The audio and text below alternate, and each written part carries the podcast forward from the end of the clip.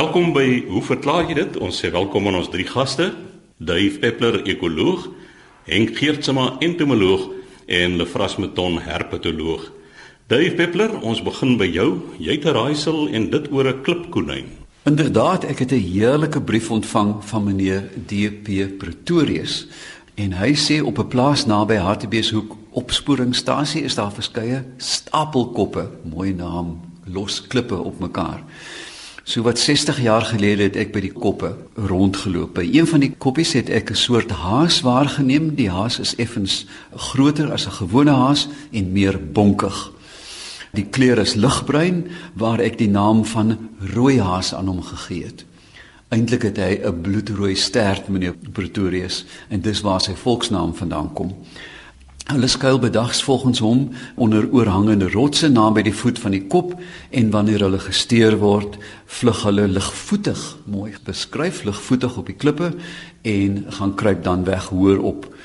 Die wyfie bring twee kleintjies voort wat sy in 'n hoë graspol aan die kant van 'n rots naby die voet van 'n rots versteek op so 'n wyse dat hulle glad nie sigbaar is nie.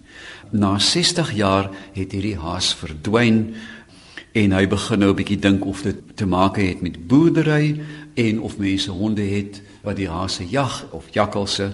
En dan sê hy indien daar enige dierekenner is wat kennis dra van hierdie haas ek is bevrees dis net ek hierdie meneer Pretorius want ek het hierdie haas vir baie jare bestudeer toe ek nog aktief gepubliseer het.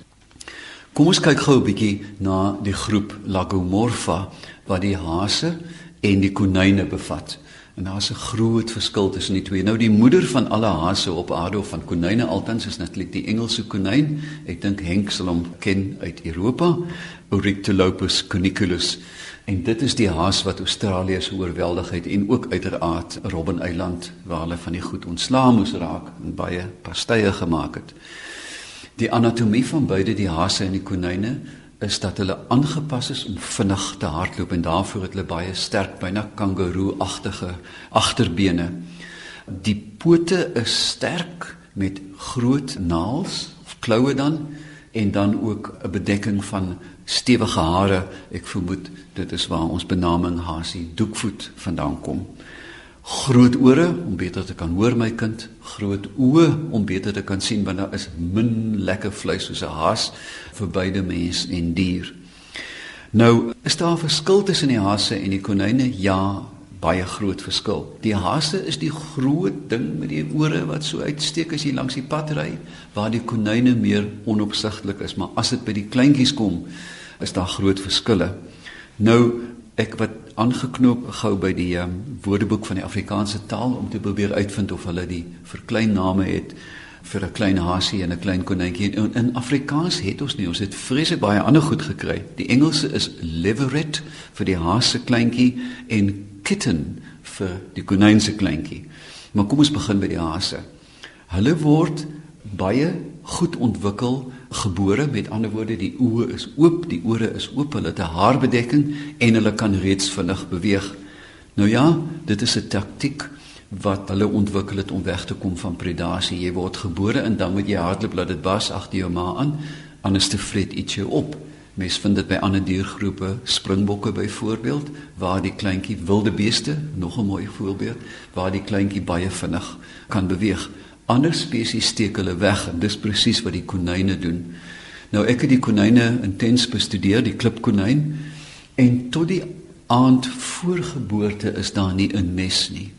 Dan die aand voor die geboorte gaan die wyfie grawe 'n gat so groot soos 'n koppie, gewone teekoppie en trek dan haar penshare uit en maak wat kompleet lyk na 'n voelnesie. Die volgende aand skenk sy geboorte aan 2 of 3 absoluut kaal kleintjies. Die oë is toe, die oorkanale is verstop, geen haar insig nie. Maar wat nog meer boeiend is dat eenmal die dag gewoonlik na middernag gaan druk sy haar tepels in die nes in die kleintjies suig laat dit bars want dit is die enigste voeding van die dag.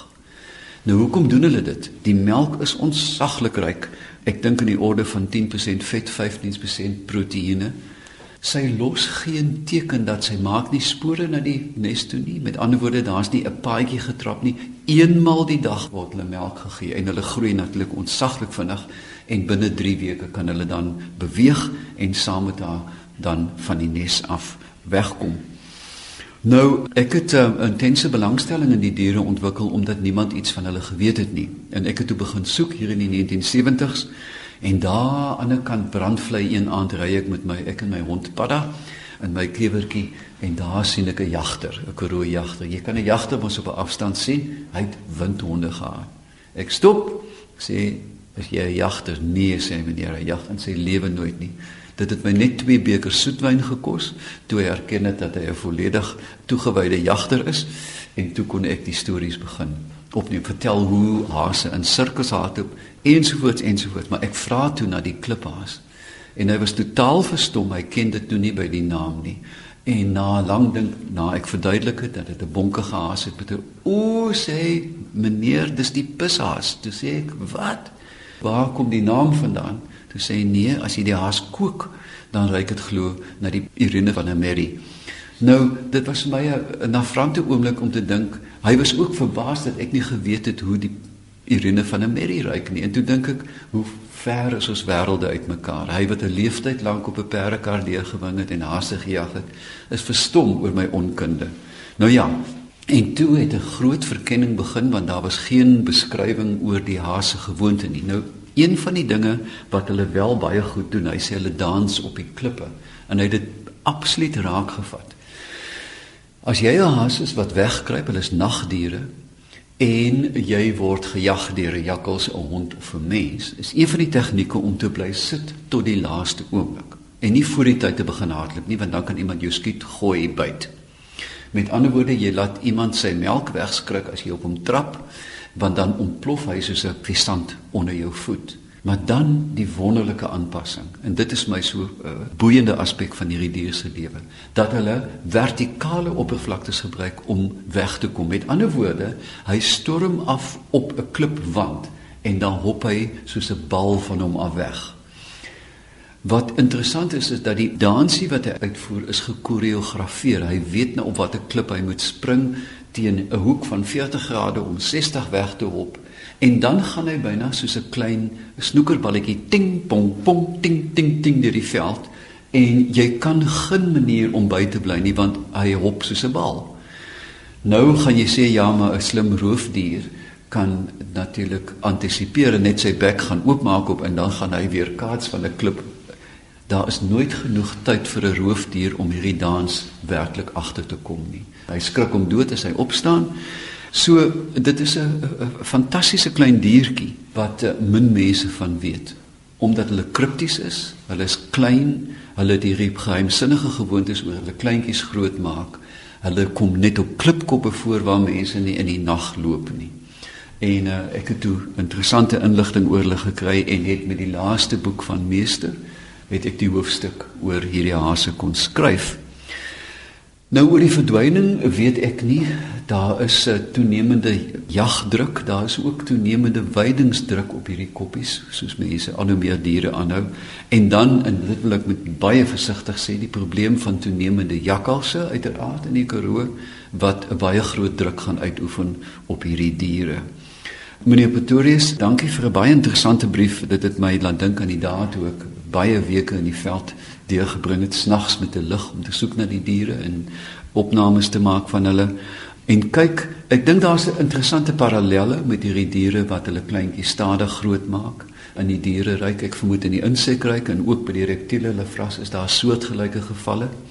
Maar as jy weer die Karoo ry, deur hierdie platkop wêreld, deur die nag en daar's 'n volmaan, dan kan jy maar 'n bietjie onthou van hierdie klein klipballerina wat so onder die strale van die maan dans. Dryf in liggaamsbou die konyn en die haas. Ek meen lyk mos nog maar baie na mekaar. Is daar redelike kompetisie tussen die spesies of is hulle absoluut in hulle habitatte geskei sodat daar geen of min kompetisie is? Baie goeie vraag Lefras en hier het ek ook um, ek het nog nie die data verwerk nie. Dit lê 'n groot hoop habitat voorkeur gekyk en toe het ek honderde opnames gemaak met stap deur die oop veld en jy kan dan die hase opjag en dan die oomblik as jy by 'n koppie kom, die konyn agterkom want hulle het beide latrines en jy kan die mis uitmekaar herken. En dit is absoluut duidelik dat verbrokkelde habitat is die skeiding tussen die twee wat kompetisie elimineer. Dat die hase wat baie groot ore het en regop sit op die vlaktes is waar hulle kan hardloop om weg te kom. Die klipkonyn gebruik die vertikale oppervlaktes vir sy fabelagtige dansie en ook dan voeding is geskei. 'n Mens sien dat die vlaktediere eet meer gras waar die uh, koppiediere dan meer bossies eet en vanwaar die intense geur van die vleis ook vandaan kom. Die rivierhaas is 'n rivierhaas of 'n rivierkonyn, 'n oeverkonyn? Is dit 'n konyn of 'n haas? Die oeverkonyn is wel 'n konyn wat ook 'n nes maak met hare in wat gepluk word en die kleintjies presies soos die klip konyn voer eenmal die nag. Daar is nou wel uh, baie verblydende tekens. Ek sê dit al jare, nie dat ek wys is nie, maar omdat ek intuïsie gehad het dat die diere meer algemeen is as wat ons voorheen gedink het en hulle word nou sover as Robertson opgemerk in, in Lynsburg in die dorp in die ou rangeerwerf is daar heelwat van hulle en ek vermoed dit is nie meer Afrika se skaarsste soogdier nie. So wat die oeverkonyn betref Dis nou nie 'n klippe wat hulle daai nesie maak nie. Dit is nou maar in 'n gat in die grond of onder onder 'n bos want mense nou dink in daardie opsig is die habitat nou baie dieselfde as die van 'n haas en dat in terme van predasie die kleintjies ook dan nou eintlik selfversorgend moet wees by geboorte. Die interessante ding is dat hulle in 'n soortgelyk aan die klipkonyn die rivierwal dan as die vertikale oppervlak gebruik en dieselfde tipe gedrag. Met ander woorde dink ook daaraan Lefras dat indien jy op 'n koppie lewe of in 'n rivier, is jou horison altyd naby. As jy op 'n vlakte lewe is jou horison daar ver, maar met 'n klein sprong is jy oor die sighorison van 'n predator en dit is wat hulle gebruik. Hulle verdwyn oor die horison. Die nes word ook dan uitgegrawe in 'n sandwal in die rivier en so dit is die struktuur van die habitat wat hulle skei. Voed konyne weer op hulle mis. Al die Lagomorpha doen dit omdat hulle redelike primitiewe verteringsstelsel het en ook nie baie bakterieë het nie. So Carfu vragie Henk, maar daar word dan ook twee soorte mis geproduseer, 'n finale en een wat weer geëet word en so hulle onderskei. En jy kan ook sien as jy die diere dophou ek weet jy gril jou byna dood maar hier kom 'n bolletjie die dier buik en sit eintlik so half wydspeen en neem die bolletjie dan weer op en eet dit van voor af oor. Dit is grillerig maar waar. Dave jy het verwys na die sterk agterbene en die naels wat hulle het. Nou ek het gesien by makkonyne as mannetjies beklei kan hulle mekaar ernstige wonde toedien met daai naels en die sterk agterbene Veral die uh, Europese spesies, Henk, jy sal onthou in die polders, is 'n groot dier, die groot hase, die Europese haas, daar's ook 'n haas en hulle boks in die lente. Het jy bloedige gevegte? Ek weet dis 'n bol hare in die wind en byna soos kangaroes wat mekaar slaan, staan hulle te mekaar raak met die voorpootjies aan mekaar en dan skop hulle die blou hel uit mekaar uit. Jy verstaan. Nee, dit is dus 'n bloedige spil. Hulle is baie baie sterk territoriaal en veral as daar wyfies is wat gereed is om te paar, raak die geveg al hoe meer bloedig. So gesels Dave Peppler, ons ekoloog en ons volgende spreker is Henk Geertsma, entomoloog. Henk, jy gesels weer eens oor suidrade. Dis korrek. Ons het by 'n vorige program gesels oor suidrade by spinnekoppe. Toe kry ek nou heel interessant 'n uh, e-pos van Herman Blackie, dink is van Wellington. Hy sê hy geniet ons program baie dankie daarvoor. Hy sê op Vrydagoggend 13 September 8:00 in die oggend sien sy vrou hierdie verskynsel. 'n Doplose slak, met ander woorde 'n naak slak, hang van die stoep se dak af op 'n dun sydraad. Hulle sê hulle nog nooit so iets gesien nie en wonder of ons dit kan verklaar. Nou het hy 'n foto vir my gestuur en dan kan jy mens sien hoe die agterlyf uitgereik is van die hang. Nou, dis nou slakke. Nou ek weet baie min van slakke, so ek het 'n bietjie gaan gesels met dokter Willie Sirgel wat 'n erkende kundige is op slakke. En hy sê vir my nee, dit is niks spesiaals nie. Wat hulle doen is naakslakke het 'n manier van verspreiding Byvoorbeeld as hulle hoër vlak is en hulle wil afsak, dan skei hulle die sydraad af. Maar die sydraad is eintlik 'n slijmdraad, nie sydraad nie. So hulle gebruik dit vir verspreiding, maar dis sê my nog 'n interessante ander aspek. Hulle gebruik dit ook vir paring.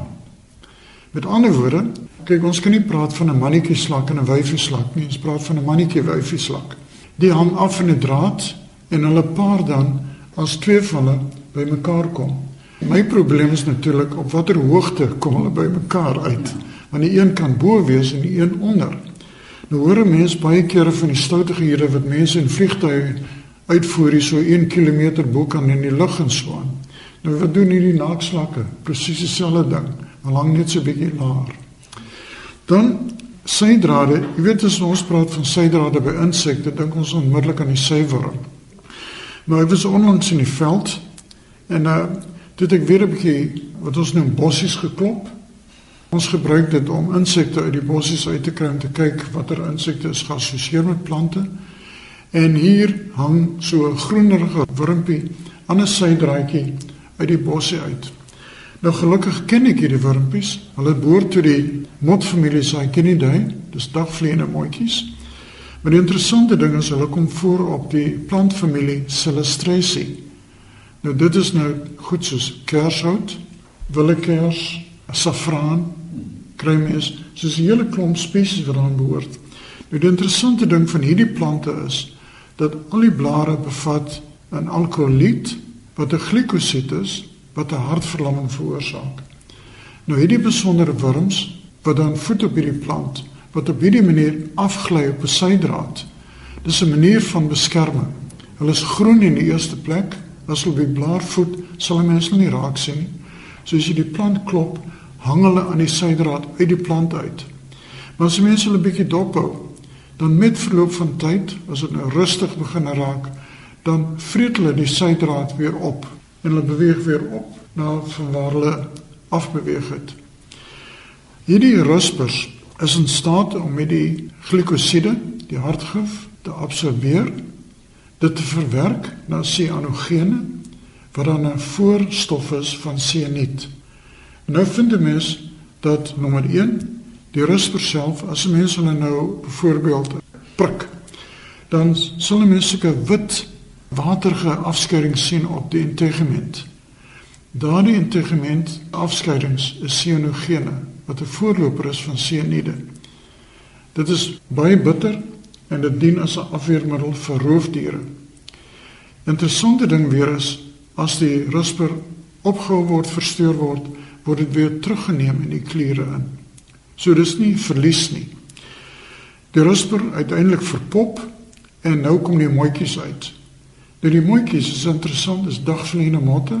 Hulle voel is lyk like baie soos die van skoenlappers, met ander woorde is geknop op die punt en hulle swart en rooi gekleur in die algemeen. Wat beteken hulle is aposematies gekleur of waarskuwingskleure. Bly vir my af. Geen roofdier sal in hierdie mooitjies vat nie, want hierdie mooitjies as hulle gebyt word deur 'n voël, skei onmiddellik seën net af en die roofdier sal dit los soos 'n warm patat. Die ander ding is, kyk as ons motte versamel, byvoorbeeld gebruik ons of ek in my geval tans 'n cyanide bottel. Met ander woorde daar cyanide in en die gas van die cyanide maak die insekte dood. As jy mens hierdie mooitjies in hierdie doodmaak fles met cyanide sit, is hulle baie gelukkig. Jy kry hom nie dood nie. Jy moet 'n ander middel gebruik soos etielasetat. So dit is dan die sydraadjie storie. So die verskynsel by die doplose slak is nie onbekend nie.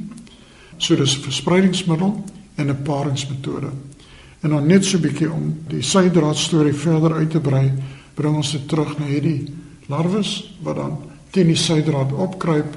Met ander woorde, hulle gebruik hierdie sydraad as 'n ontsnapmiddel, net soos wat spinnekoppe ook die sogenaamde vangdraad gebruik waarna ek verwys het in 'n vorige program. Maar duif terwyl ons nou so besig is, ek kry nou die dag sommer so terloops 'n navraag van meneer van Sail en Liesel Hubert hier van Bredasdorp. Hulle het onlangs 'n bees geslag en natuurlik is daar vleissaagsels. Nou voer hulle die vleissaagsels aan die diere op die werf soos katte en honde en so aan. Wat te sien ons skielik, maar die tortelduwe is net so mal daaroor. Nou As ek dit reg het, tortelduwe is saadvreters. Nou waar kom die vleislus nou skielik vandaan? Tortelduwe, breekoparende, mossies en enige ander voël sal termiete eet. As die beloning in die kos of met ander woorde as die veral die vetgehalte hoog genoeg is, sal hulle hulle saadlus op sy skuif en dit eet. Dit is glad nie onbekend nie, maar dit is dis gewoonlik nie uh, deurlopend nie, maar as dit aangebied word, sal hulle hulle gaan vir die hoë kwaliteit kos en die saagsels het natuurlik baie beenfragmente en murg in dink dit hang ook af watter tyd as dit broeiduwe is of as hulle besig om te broei dan kan hulle 'n skielike lus vir allerlei snaakse goed hê. Dit weet ek by baie voëls. Dan wyk hulle af van hulle normale dieete en sal dan veral beenmeel of enige beenbevattende goed sal belangrik wees. En dit was dan professor Henk Geertsma ons entomoloog wat oor die suidrade gesels het. Laaste aan die beurt Lefras Meton herpetoloog Lefras blykbaar groei 'n mens se vingernaels vinniger as jou toenaels. Hoekom? Gys dit toe van Amanzam Toti. Hy wil weet, hy sê dit werklik waargeneem. En dit is een van twee vrae wat hy vra. Nou ons gaan vandag net na hierdie vraag kyk en by 'n volgende geleentheid sy ander vraag. Ja, ek het so 'n bietjie gaan opkyk. Ek het nog nooit daarvan gehoor nie. En daar's allerlei interessante goed. Inderdaad is dit die vingernaels kan tot 4 maal vinniger groei sy toenaels en dan ook jou langste vingers se naels groei vinniger as die korter vingers en mans se naels groei vinniger as vroumense se naels en 'n verwagtende vrou se naels groei vinniger as 'n nie verwagtende vrou se naels en uh daar's nog iets. Nou kan ek dit onthou maar 'n hele klomp interessante dinge en mense eerste reaksie sal wees o okay dit het seker maar iets te doen met slytasie. As mens so kyk na die funksie van naels is eerstens om beskerming vir die punte van die tone en die vingers, maar terselfdertyd dien daardie naels natuurlik ook om dat help met die sensasie van gevoel of tas as jy aanraking sensasie en dit is baie fyngevoelige ding so die naal speel 'n belangrike rol om daardie aanraking te vergroot. En natuurlik is dit 'n werktuig. As mens 'n doringkie uittrek so die naal speel 'n groot rol. En as mens nou maar net die mens na kyk dan is jou hande word baie meer gebruik as die voete in terme van die naels en dit maak vir my sin en dit is die meeste inligting. Daar's nie werklike getuienis wat die redes spesifiek is nie maar dit maak sin dat jou vingernaels gaan vinniger groei as die toenaels want toenaels kom nie werklik in kontak met iets behalwe as jou voete baie los sit in die in die skoene of jy baie hardloop. En ek dink ook nogals mens kan die vergelyking trek as mens baie kaalvoet loop, dan raak jou voetsole dikker en met ander woorde as jy jou hande meer gebruik, dan gaan die naels net vinniger vervang word. Die kwessie van mans se naels wat vinniger as vrouens se groei. Ja, mense sou eerstens dink dalk het dit iets met die werklading te doen, maar dis gevaarlike terrein om op te beweeg. Ek dink dit het iets met die hormone te doen.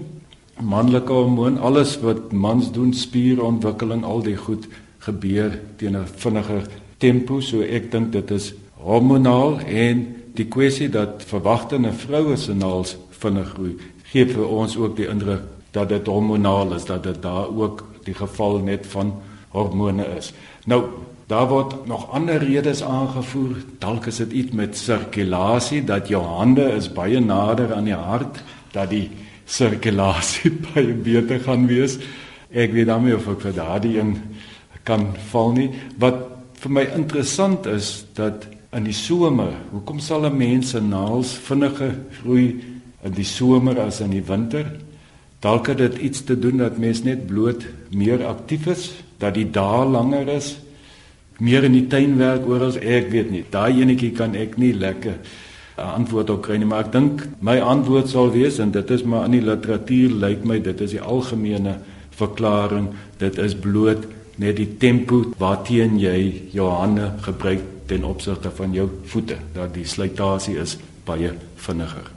Lefrasta se 'n boeiende studie gedoen deur 'n ysbeerkundige wat sy baardstopsels gemeet het, die gewig bepaal het gedurende sy studies. En dit is duidelik hormonaal en ek vermoed dieselfde chemiese naels en hare is keratin En uh, hy het bewys dat as hy uh, van die huis af teruggekom het, hy was in 'n seksueel aktiewe verhouding met sy vrou, het daar 'n geleidelike afname van die produksie van baard en dan afgeplat en dan 10 dae voor hy terug huis toe gaan het met die antisipering van terug aan huis toe, het die produksie weer die hoogte ingeskiet na die normale vlakke toe. En dit is 'n aanduiding, ek dink jou afleiding dat dit hormonaal is in die kol is. So, ja, meneer De Tooy, dit is vir my interessante vraag gewees oor die naels. Ek gaan nou beslis my naels moet weeg.